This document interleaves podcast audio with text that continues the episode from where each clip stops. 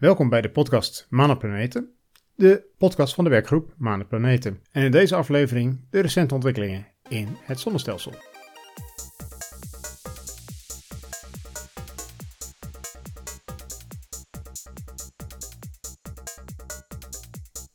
Wat is er gebeurd in de afgelopen maand in ons zonnestelsel? Wel, laten we meteen doorvliegen naar Venus, want daar was nieuws over de donkere banden in de atmosfeer van Venus.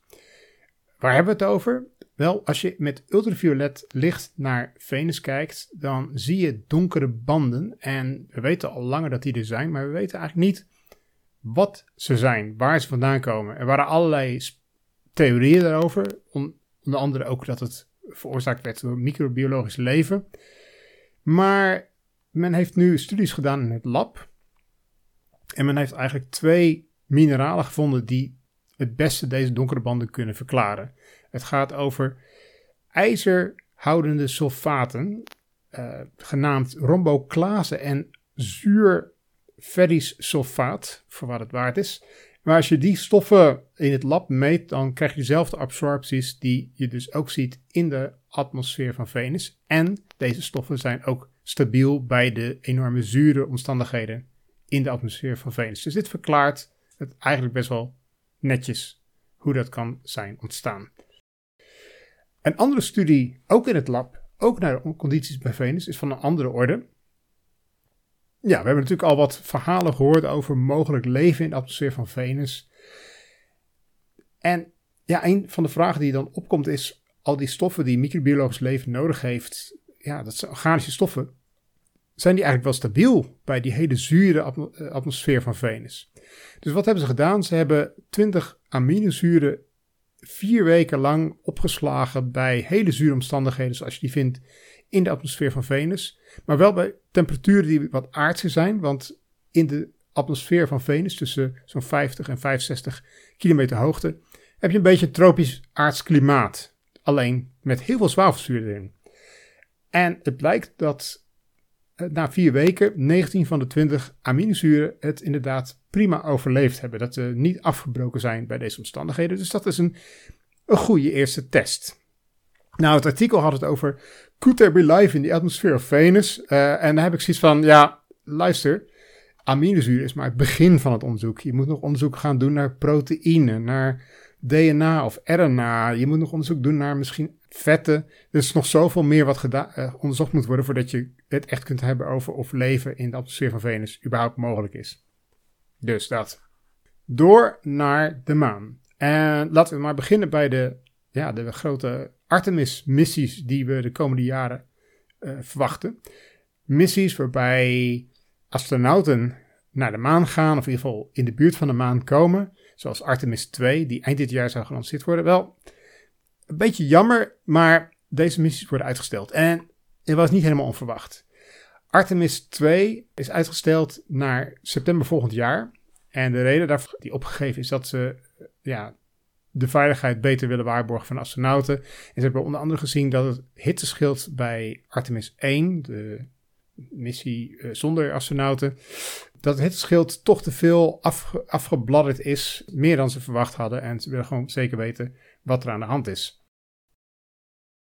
De landing op de maan met Artemis 3, nog steeds behoorlijk ambitieus. Uh, met een uh, Lunar Starship van SpaceX. Wel, dat is uitgesteld naar september 2026. En ik denk dat het nog steeds optimistisch is. En Artemis 4, de eerste missie naar de Lunar Gateway, een ruimtestation dat achter de maan moet gaan draaien, dat komt pas in 2028 aan de orde. Van Artemis 3 is onder andere wel gezegd uh, door Kamala Harris, de vicepresident van de Verenigde Staten, dat er een, een, internationale astronaut meegaat op die missie. De vraag is dan, oh, uh, is het een astronaut van ESA? Of is het een Japanse astronaut? Of uh, toch een Canadees, maar dat lijkt minder waarschijnlijk, want er gaat al een Canadees mee op Artemis 2. dus ja, dat is nog even afwachten. Dan robotische missies. Nou, daar kunnen we al sneller naar uitkijken. De Japanse Slim maanlander gaat namelijk morgen al landen op het moment dat ik deze opname doe. Dus ik hoop dat ik de podcast op tijd eruit krijg. Deze maanlander gaat een precisielanding uitvoeren in de Scioli-krater. En als je niet weet waar dat is, dat is in een kleine krater in de Cyrillus-krater. En als je niet weet waar dat is, dat is in Mare Nectaris. Voor wat het waard is. En de webcast van, van, de, van deze landing, de landing is live te volgen en ik zal de links naar de webcast plaatsen in de show notes. Hopelijk ben je er dan op tijd nog bij. Uh, de landing moet plaatsvinden dus morgen om 16.20 uur. En dan hebben we de lancering van een andere maanlander gezien, de Peregrine lander, op een Vulcan-raket. Uh, nou, dat is, was best spannend. Een nieuwe raket, de Vulcan-raket van de United Launch Alliance, een samenwerkingsverband van Lockheed Martin en Boeing. En met raketmotoren van Blue Origin, nog niet eerder getest zover ik weet. Nou, deze lancering is succesvol geworden. Dat uh, kun je wel zeggen. Dat is best wel knap met een nieuwe raket. Je kunt wel zeggen, de Vulcan-raket is gewoon een voortvloeisel van de Atlas-raketten. Dat is wel zo, maar er is een nieuw type brandstof, een nieuwe raketmotor. Het was nog best genoeg om spannend te zijn. Op die raket zat een maanlander, de Peregrine lander van Astrobotic. En ik dacht, nou, niets staat me in de weg om die landing uit te voeren. Maar meteen nadat de lancering geslaagd was, ging er iets mis bij de Peregrine lander. Er is een brandstoflek, of het is eigenlijk een zuurstoflek geweest.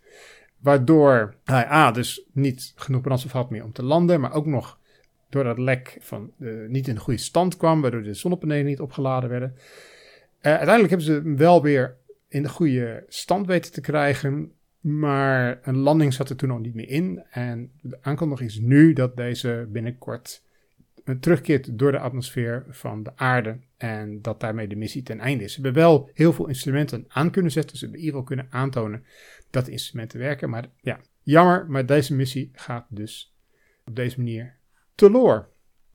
Dan wat wetenschappelijk nieuws van de maan. En dat kwam van, de, van het NASA-instrument ShadowCam. ShadowCam is een camera, een hoge gevoeligheid camera, die meegegaan is op de Koreaanse orbiter Danuri. En deze shadowcam kan dus in de permanent donkere kraters kijken, maar kan door aardeschijn nog net genoeg licht zien in die kraters om onderzoek te doen naar onder andere waterijs. En de grote vraag is dus, zit er waterijs in die donkere kraters? Nou, Shadowcam heeft specifiek een. Er kwam een rapport uit over onderzoek van Shadowcam naar de krater Shackleton. En het blijkt, wat blijkt, ze hebben geen waterijs van betekenis kunnen vinden. Slagje om de arm, ze hebben geen dikke ijslaag kunnen vinden en ze hebben geen dikke ijslaag direct onder het oppervlak kunnen vinden. Maar het zou nog steeds kunnen dat er heel veel waterijs vermengd zit in het stof en, en gesteente uh, onder het oppervlak. Maar dat is wel even een uh, ja, verrassing eigenlijk. Uh, want de hele house om allemaal naar de maan te gaan, is onder andere naar, om naar die Zuidpool van de maan te gaan, om dat waterijs te mijnen en dan daar weer brandstof van te maken. Maar als er geen waterijs is, nou, dan kan, kan die hele race naar de maan misschien wel iets minder uh, spannend worden. Dan Mars. Ja, en daar ook, ja, is een beetje een maand toch wel van wat, wat slecht nieuws hier en daar. Onder andere Mars Sample Return, eh, het samenwerkingsverband van NASA en ESA, om monsters van Mars op te halen. Een heel complex project. Ja, dat gaat niet heel erg goed. Er is te weinig budget. En bij het Jet Propulsion Laboratory in Californië hebben ze zelfs 100 contractors ontslagen. Uh, omdat ze gewoon niet, niet denken dat er genoeg budget is om hun uh, aan het werk te houden. Dus ja, dat wordt wel een dingetje om, om deze, dit project, dit hele complexe project, nog steeds te laten vliegen. Dat gaat nog wel even wat meer tijd kosten. Ook meer tijd gaat kosten de lancering van de Japanse Marsmissie, de Martian Moon Explorer MMX. Deze zou dit jaar gelanceerd worden. Uh, ik, volgens mij heb ik al in een eerdere uh, aflevering al verteld dat deze wordt uitgesteld naar 2026. En nu werd dat, uh, in januari werd dat officieel vermeld ook door JAXA, de Japanse ruimtevaartorganisatie. Deze, deze satelliet gaat landen op de Marsmaan Phobos en gaat er monsters verzamelen en die naar aarde brengen. En die moeten dan in 2031 volgens de nieuwe planning bij aarde aankomen. En het interessante daarvan is dat, die, uh, dat ze niet alleen verwachten materiaal van Phobos daarmee op te pikken, maar misschien ook wel wat materiaal van Mars. Dan over Mars zelf. Er zijn een aantal niet-professionals die hebben gekeken naar beelden van die Chinese Mars-orbiter Tianwen 1. Die draait nog altijd zijn rondjes en maakt hele mooie opnamen van het oppervlak. En uh, een aantal amateurs heeft opgemerkt dat er een stofstorm ontstaan is bij Olympus Mons, de grote vulkaan op Mars, de grootste vulkaan van het zonnestelsel. En dat is altijd interessant, want gaat die storm lokaal blijven of wordt, die, wordt het een globale stofstorm zoals we ze vaker hebben gezien? Uh, bijvoorbeeld uh, vorige keer dat uh, Mars in oppositie was, een amateur-astronomen heel graag opname wilde maken van de rode planeet, toen bleek die helemaal bedekt te zijn door die stofstorm die op dat moment gaande was en was er eigenlijk niks te zien op het oppervlak. Ja, zou dit jaar weer kunnen gebeuren, eventueel. Um, Zo'n stofstorm heeft ook altijd gevolgen voor Marsrovers of Mars, andere uh, landers met zonnepanelen. Nou, is het toevallig zo dat de enige twee actieve Marsrovers, Perseverance en Curiosity, gebruik maken van een radioisotoopgenerator. Dus die hebben geen zonnepanelen, die kunnen gewoon door blijven werken. Maar we hebben ook nog de Ingenuity Mars helikopter en die heeft wel een zonnepaneel. Dus mocht die storm globaal worden en Perseverance en Ingenuity zijn nog best wel op grote afstand van deze, van deze Olympus Mons. Dan zou het dus, uh, ja, dan zou Ingenuity mogelijk een gevaar kunnen vormen. Maar zover is het dus nog lang niet. Over stofstormen en Marsrovers met zonnepanelen gesproken. Uh, deze maand is het 20 jaar geleden dat uh, de Marsrovers Spirit and Opportunity op, op Mars landen. En ja, dat dat moet ik altijd weer met, uh, ik kan altijd met warme gevoelens uh, aan, die, aan die tijd terugdenken. Dat je al die, al die beelden van die rovers uh, kon downloaden op internet. Het was niet de eerste, waren niet de eerste Mars rovers waar dat bij mogelijk was. want je had daarvoor ook nog Pathfinder met de Sojourner rover. Maar ja, de, deze rovers, Spirit and Opportunity, vooral Opportunity, ze bleven maar gaan. Het was spectaculair om te volgen. Door naar de asteroïden. En laten we eens kijken naar hoe het staat met OSIRIS-REx. Want in september vorig jaar bracht OSIRIS-REx monsters van de asteroïde Bennu op aarde. En die container is geopend. En er was die monstercontainer, die zogenaamde TAGSAM. Een van de afkorting ontschiet uh, nu even. Uh, maar die kregen ze niet open. Er waren twee van de 35 schroeven en die wilden niet losgaan. En daarvoor heeft NASA een hele speciale schroevendraaier voor gemaakt. En de reden daarvoor is dat. Ja, je kunt niet zomaar even naar de bouwmarkt en een schroevendraaier kopen en die, in, die, bij die op die monstercontainer zetten. Want je wil A. geen organische besmetting hebben van het hele oorspronkelijke eh, materiaal van Bennu.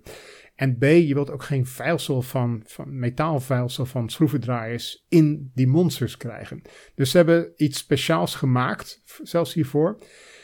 En daarmee hebben ze de laatste twee schroeven los weten te krijgen. En nu eindelijk kunnen we ook bij dat laatste materiaal.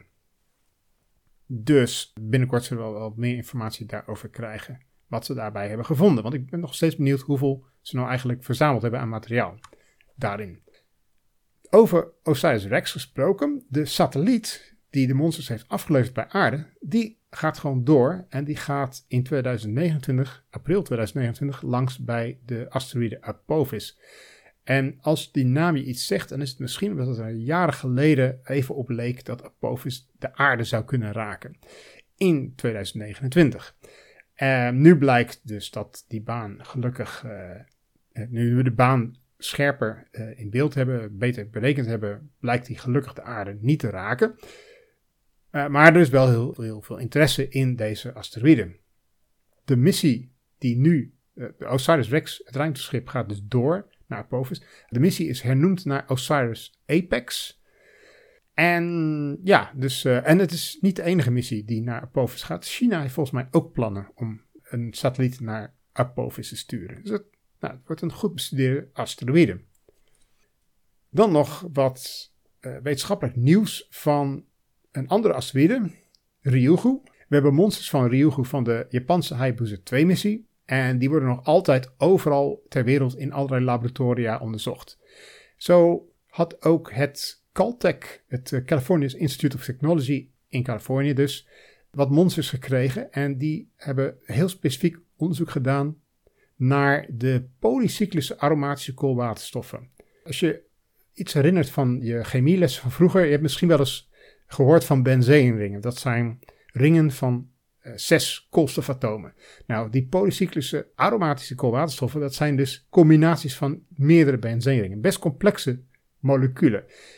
Wat men nu ontdekt heeft aan de hand van de monsters van Ryugu, is dat deze polycyclische aromatische koolwaterstoffen al ver voor het ontstaan van het zonnestelsel zijn ontstaan. En dat hebben ze kunnen achterhalen aan de hand van koolstof-13 atomen. Dat zijn dus isotopen van koolstof met een extra neutron uit mijn hoofd. En die zwaardere koolstof-13 isotopen die reageren makkelijker met elkaar bij hele lage temperaturen. En ze hebben dus ontdekt dat uh, veel van die polycyclische aromatische koolwaterstoffen zijn, zijn gevormd bij temperaturen onder 100 Kelvin, oftewel min 173 graden Celsius. Interessant trouwens om te vermelden dat die polycyclische aromatische koolwaterstoffen kom je gewoon ook op aarde tegen. Je komt ook bijvoorbeeld deze stoffen gewoon tegen in roet, in de schoorsteen.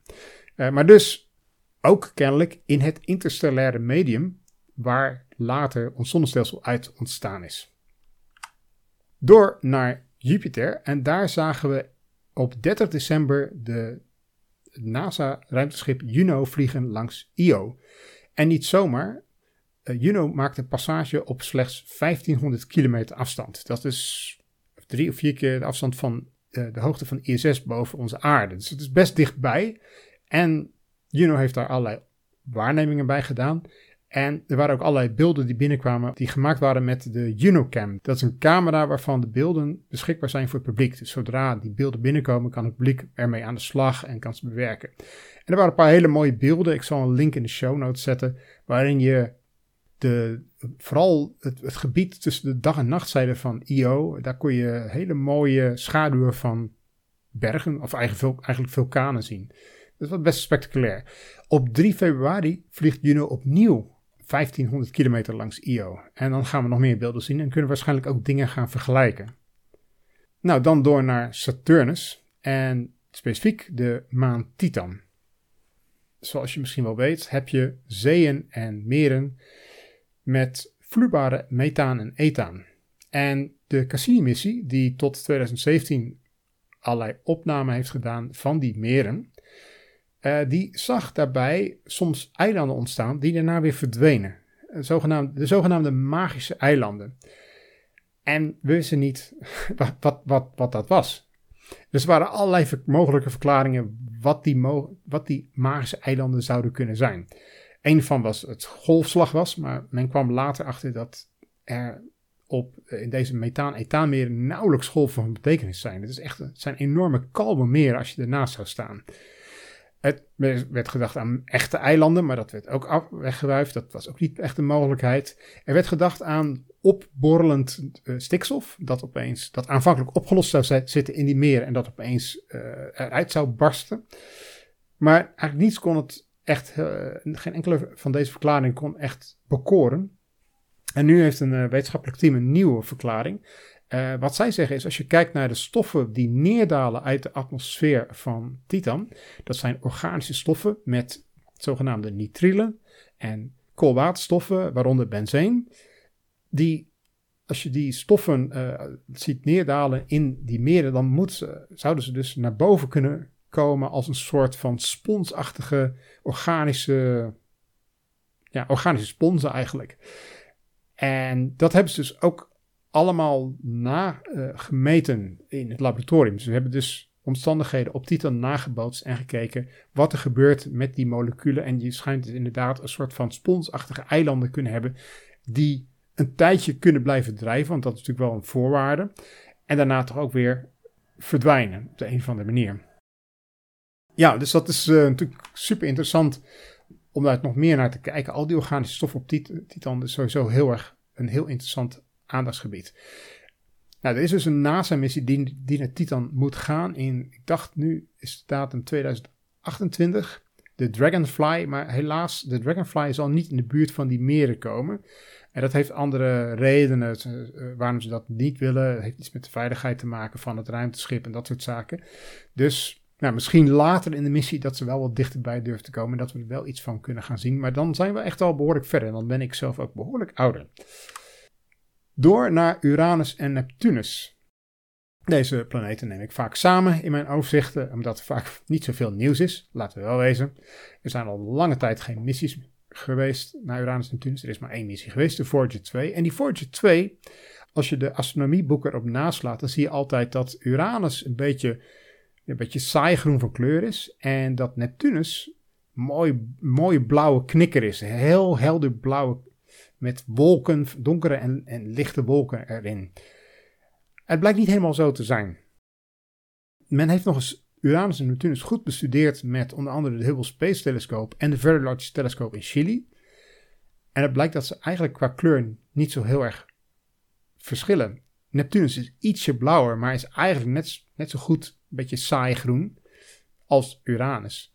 En waarom zijn die beelden van Voyager 2 dan zo verschillend? Dat heeft te maken met het feit dat ze die beelden van Uranus en Neptunus met andere filters hebben gemaakt. En ook de bewerking is anders gedaan. Bij Neptunus zagen ze al die wolken en ze wilden die, het contrast daarvan ophalen. En dan krijg je dus een heel mooie, helblauwe planeet. Maar dat is dus eigenlijk niet. Wat ik ook nog interessant in dit artikel vond, is dat ze ook waarnemingen aanhaalden van het Lowell Observatory. Uh, het Lowell Observatorium in Flagstaff in Arizona, waar overigens Pluto ook ontdekt is. Ze blijken daar dus 66 jaar aan onderzoek hebben uh, gedaan aan Uranus en Neptunus. En op basis van die gegevens hebben ze onder andere ook kunnen achterhalen dat Uranus tijdens de, even kijken, tijdens de, de zomer en de winter wat groener is, maar tijdens de lente en de herfst wat minder groen is. Het leuke daarvan is, ja, moet je voorstellen, 66 jaar observaties van een, een observatorium op, eh, aarde. Uh, ze zijn onlangs, zeg maar, maar een paar jaar geleden zijn ze daarmee gestopt. Dus het is, ja, wel interessant dat ze dat zo lang hebben volgehouden. Dan gaan we nog even kijken naar wat exoplaneten. Ja, exoplaneten nieuws is er eigenlijk altijd de laatste jaren. De Hubble Space Telescope heeft bijvoorbeeld een exoplaneet bekeken, genaamd WASP 121b. En dit is een hete Jupiter die dicht op zijn ster draait. En ze hebben de atmosfeer van die planeet drie jaar lang gevolgd. En wat blijkt, daar zijn veranderingen gaande. En die hebben ze dus waargenomen met de Hubble Space Telescope. Ja, omdat die hete Jupiter A altijd met één kant naar zijn ster draait. En omdat die natuurlijk zo extreem, extreem heet is, gebeuren daar allerlei turbulente processen in. Ze hebben onder andere ontdekt dat er is altijd één, de, punt waar die naar zijn ster gericht is, een, een hotspot. En die hotspot uh, die verandert soms van plek, hebben ze ontdekt. En als dat gebeurt, dan vinden er allerlei enorme cyclonen plaats. Het is, het is ongelooflijk dat ze dat dus tegenwoordig allemaal kunnen. Gewoon het weer bij een andere planeet uh, onderzoeken. En als die hotspots van, hotspot van plaats verandert, is het ook nog eens zo dat er allerlei chemische processen gaan zijn die ze hebben ook nog kunnen onderzoeken. Deze planeet, ik heb hem WASP 121b genoemd, maar hij heeft ook een echte naam. Uh, want sommige exoplaneten die we al langer kennen hebben een naam gekregen. Deze heet Tylos. En dan was er nog een ander exoplaneet nieuwtje wat ik er even uitpik. En dat is een exoplaneet met de welluidende naam HD 88986b. Uh, interessante hiervan is, dit is een subneptunus, een planeet qua massa en diameter die het schild houdt tussen een aarde en een Neptunus. Wat interessant aan deze planeet is dat deze een omlooptijd om zijn ster heeft van 146 dagen. Nou zou je zeggen, dat is toch niet zo heel erg spannend, want onze planeet heeft zelfs een omlooptijd van 365 dagen. Ja, dat is zo, maar het interessante hiervan is, is dat het zo moeilijk is om die exoplaneten te vinden met zo'n lange omlooptijd, die ook nog eens vrij klein zijn. Dus dit is voor het eerst dat zeg maar, een exoplaneet van deze omvang zo met zo'n grote omlooptijd is gevonden. Ze hebben trouwens ook nog gevonden dat er een andere planeet buiten deze baan zit met 100 keer de massa van Jupiter. Het zal niet de allergrootste exoplaneet zijn, maar dat is toch ook wel formidabel. Dus dat. Dat waren de exoplaneten. Nou, dan heb ik nog één laatste onderwerp. En dat is altijd leuk. Dat zijn de NIAC-contracten van NASA. Dat zijn de NASA Innovative Advanced Concepts. En dit is een heel interessant uh, programma van NASA waarbij ze geld uitloven aan hele ambitieuze projecten. Kanttekening daarbij, ze zijn heel ambitieus en ze zijn nog heel, uh, zo ambitieus dat het nog heel lang gaat duren voordat ze helemaal uitgewerkt zijn, voordat ze gelanceerd kunnen worden. Maar om een kleine bloemlezing te geven van deze NAIA-contracten waar ze dit jaar uh, geld aan gegeven hebben. En dan moet ik nog even bij zeggen, het gaat hier om fase 1 NAIA-contracten. Dus we hebben dus drie fasen. En fase 1 zijn dus heel ambitieuze missies waar nog heel veel onderzoek aan gedaan moet worden. Fase 2 zijn wel contracten zijn wat verder uitgewerkt. En fase 3, daar begint het al behoorlijk te lijken op iets wat uh, ontwikkeld kan worden naar een echte ruimtemissie die op een raket gezet kan worden. Nou, we hebben het hier over allemaal fase 1 contracten. Wat vinden we daar zo onder andere tussen? Nou, we hebben het over een verticaal opstijgend Marsvliegtuig genaamd de Maggie. De afkorting laat ik even wat het is.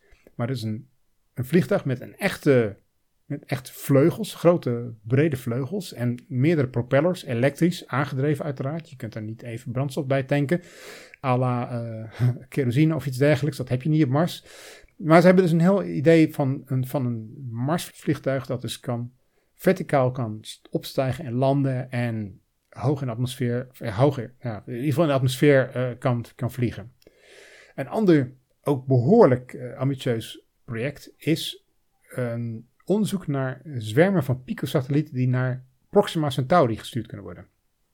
Oké, Proxima Centauri is de dichtstbijzijnde ster op vier lichtjaar. Maar zelfs vier lichtjaar is een enorme afstand. Met de huidige rakettechnologie ben je gewoon veel zo lang onderweg dat je, ja, als je met een huidige raket iets naar Proxima Centauri zou sturen, dan ben je duizenden jaren onderweg.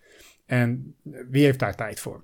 Dus je hebt iets anders nodig. Eh, als je dit zeg maar binnen het mensenleven wilt laten aankomen, dan zul je echt met een percentage van de snelheid van het licht kunnen vliegen. Nou, daar zijn al wat ideeën over geweest van andere organisaties. We hebben het dan over kleine satellieten met lichtzeilen die dan met een enorme laser vanaf aarde voortgestuurd kunnen worden en dan naar de sterren gestuurd kunnen worden. Nou, er is dus nu een project dat onderzoek gaat doen naar picosatellieten die naar Proxima Centauri gestuurd kunnen worden, maar dus gefinancierd door NASA. En er zal ongetwijfeld heel veel onderzoek moeten worden hoe, hoe, hoe bereikbaar is dit überhaupt, is dit überhaupt mogelijk? Hoe mogelijk is dat om dit te gaan doen? Maar goed, fase 1, we gaan zien. Maar ze hebben in ieder geval al wat startbudget. En dan was er nog een project voor een Venus Sample Return. Dus om een monster van het oppervlak van Venus notabene naar aarde te brengen. Uh, ik heb het artikel daarover gelezen en er was heel weinig informatie erover. Dus er was een uh, uh, contract die te maken had met het, het, mijnbouw wat water betreft op Mars. Er was eentje die een soort nieuw soort nucleaire raket wilde ontwikkelen op basis van een kleine filmlaag isotoop. Ik weet niet hoe dat zou moeten werken. We hebben het over nucleair aangedreven microsondes. Die kunnen werken in extreem koude omgevingen. We hebben het over uh, de Zuidpool van de maan. we hebben het over temperaturen van min 250 graden. Nou, zij hebben, de, de, de, onderzoekers van dat project hebben daar ideeën over hoe je dat zou kunnen maken. Je dus micro, microsensoren zou kunnen maken op basis daarvan er was een project voor een Lunar Long Baseline Optical Imaging Interferometer. Dat wil zeggen, je zet meerdere telescopen op een afstandje van elkaar. De telescopen op zich zijn niet super gevoelig, maar als je alle beelden bij elkaar stopt en daar wat rekenwerk op verricht, dan kun je dus een veel betere telescoopbeeld krijgen. Dus dat is een idee wat ze hebben om dat op de maan te zetten vraag me af waarom ze dat niet gewoon in banen rond de aarde of uh, rond de zon zouden kunnen doen. Maar goed, daar, dat, dat dus. Er was een project voor Very Long Baseline Interferometry in het zonnestelsel. En dan heb je het over radiotelescopen, maar dan uh, verspreid over het hele zonnestelsel. Zodat je daar interferometrie mee kan doen, waardoor je dus veel betere radiobeelden kunt krijgen, radarbeelden kunt krijgen. Nou, klinkt ook heel erg ambitieus. Er was een uh, project voor lange termijn opslag van brandstof. Uh, denk aan waterstof, dat nu nog ja, met de huidige brandstoftanktechnologie heel makkelijk verdampt. En dat je, ja, uh, ze willen iets hebben waar je brandstof kunt lang, voor lange termijn kunt opslaan voor Marsmissies, zodat je de brandstof niet weg is tegen de tijd dat je terug naar aarde wil. Er was een project voor een magnetohydrodynamic drive voor productie van waterstof en zuurstof. Onder andere voor Marsmissies ook. Er was een project voor het verwijderen van perchloraten uit de Marsbodem met een bioreactor. Er was een project voor het onderzoek naar uh, hibernation. Ja, je weet, als je naar Mars gaat, dat is een hele lange vlucht. Uh, met, zeker met de huidige rakettechnologie. En als je nog verder het zonnestelsel uit wil met mensen. Ik weet niet of je dat wil, maar goed. Dan moet je gaan denken aan een soort van ja, tijdelijke hibernation. En natuurlijk in science fiction is daar heel veel, uh, wordt heel veel gebruik van gemaakt. Maar in het echt hebben we dus nauwelijks onderzoek naar gedaan. En dit onderzoekteam wil onderzoek doen in de ruimte naar een aantal dieren die dat van nature doen. Om te kijken of ze die of daarvan kunnen leren. Maar ze zeggen, daar hebben ze nog nooit onderzoek naar gedaan. En dat zullen, willen wij eigenlijk doen. En er was nog een soort nieuw soort glasvezelantenne voor radiometrie op kleine satellieten, zoals CubeSats. Nou, verwacht nou dus niet, hè, nogmaals, dat dat vol, uh, volgend jaar uh, gelanceerd wordt. Hier, gaan, hier moet heel veel onderzoek naar gedaan worden, maar het is wel, ja, het is wel super gaaf dat NASA geld steekt in dit soort zeer ambitieuze missies. En nou, we zullen zien wat er uitkomt. Ik hoop heel veel. Nou, dat was al mijn nieuws van, afgelopen, van afgelopen maand. We kijken ook nog even vooruit. Waar kunnen we naar uitkijken in de volgende maand? Nou, dus onder andere nog een maanlander die klaar staat op Kennedy Space Center. En dat is de Nova C van Intuitive Machines, die in februari gelanceerd moet worden. Ik dacht 8 februari. Maar mocht ik een update hebben voor die tijd tijdens de waarneemgids-uitzending, dan zal ik dat nog even melden. Nou, en dat is eigenlijk al het nieuws wat ik heb. Bedankt voor het luisteren en tot de volgende keer.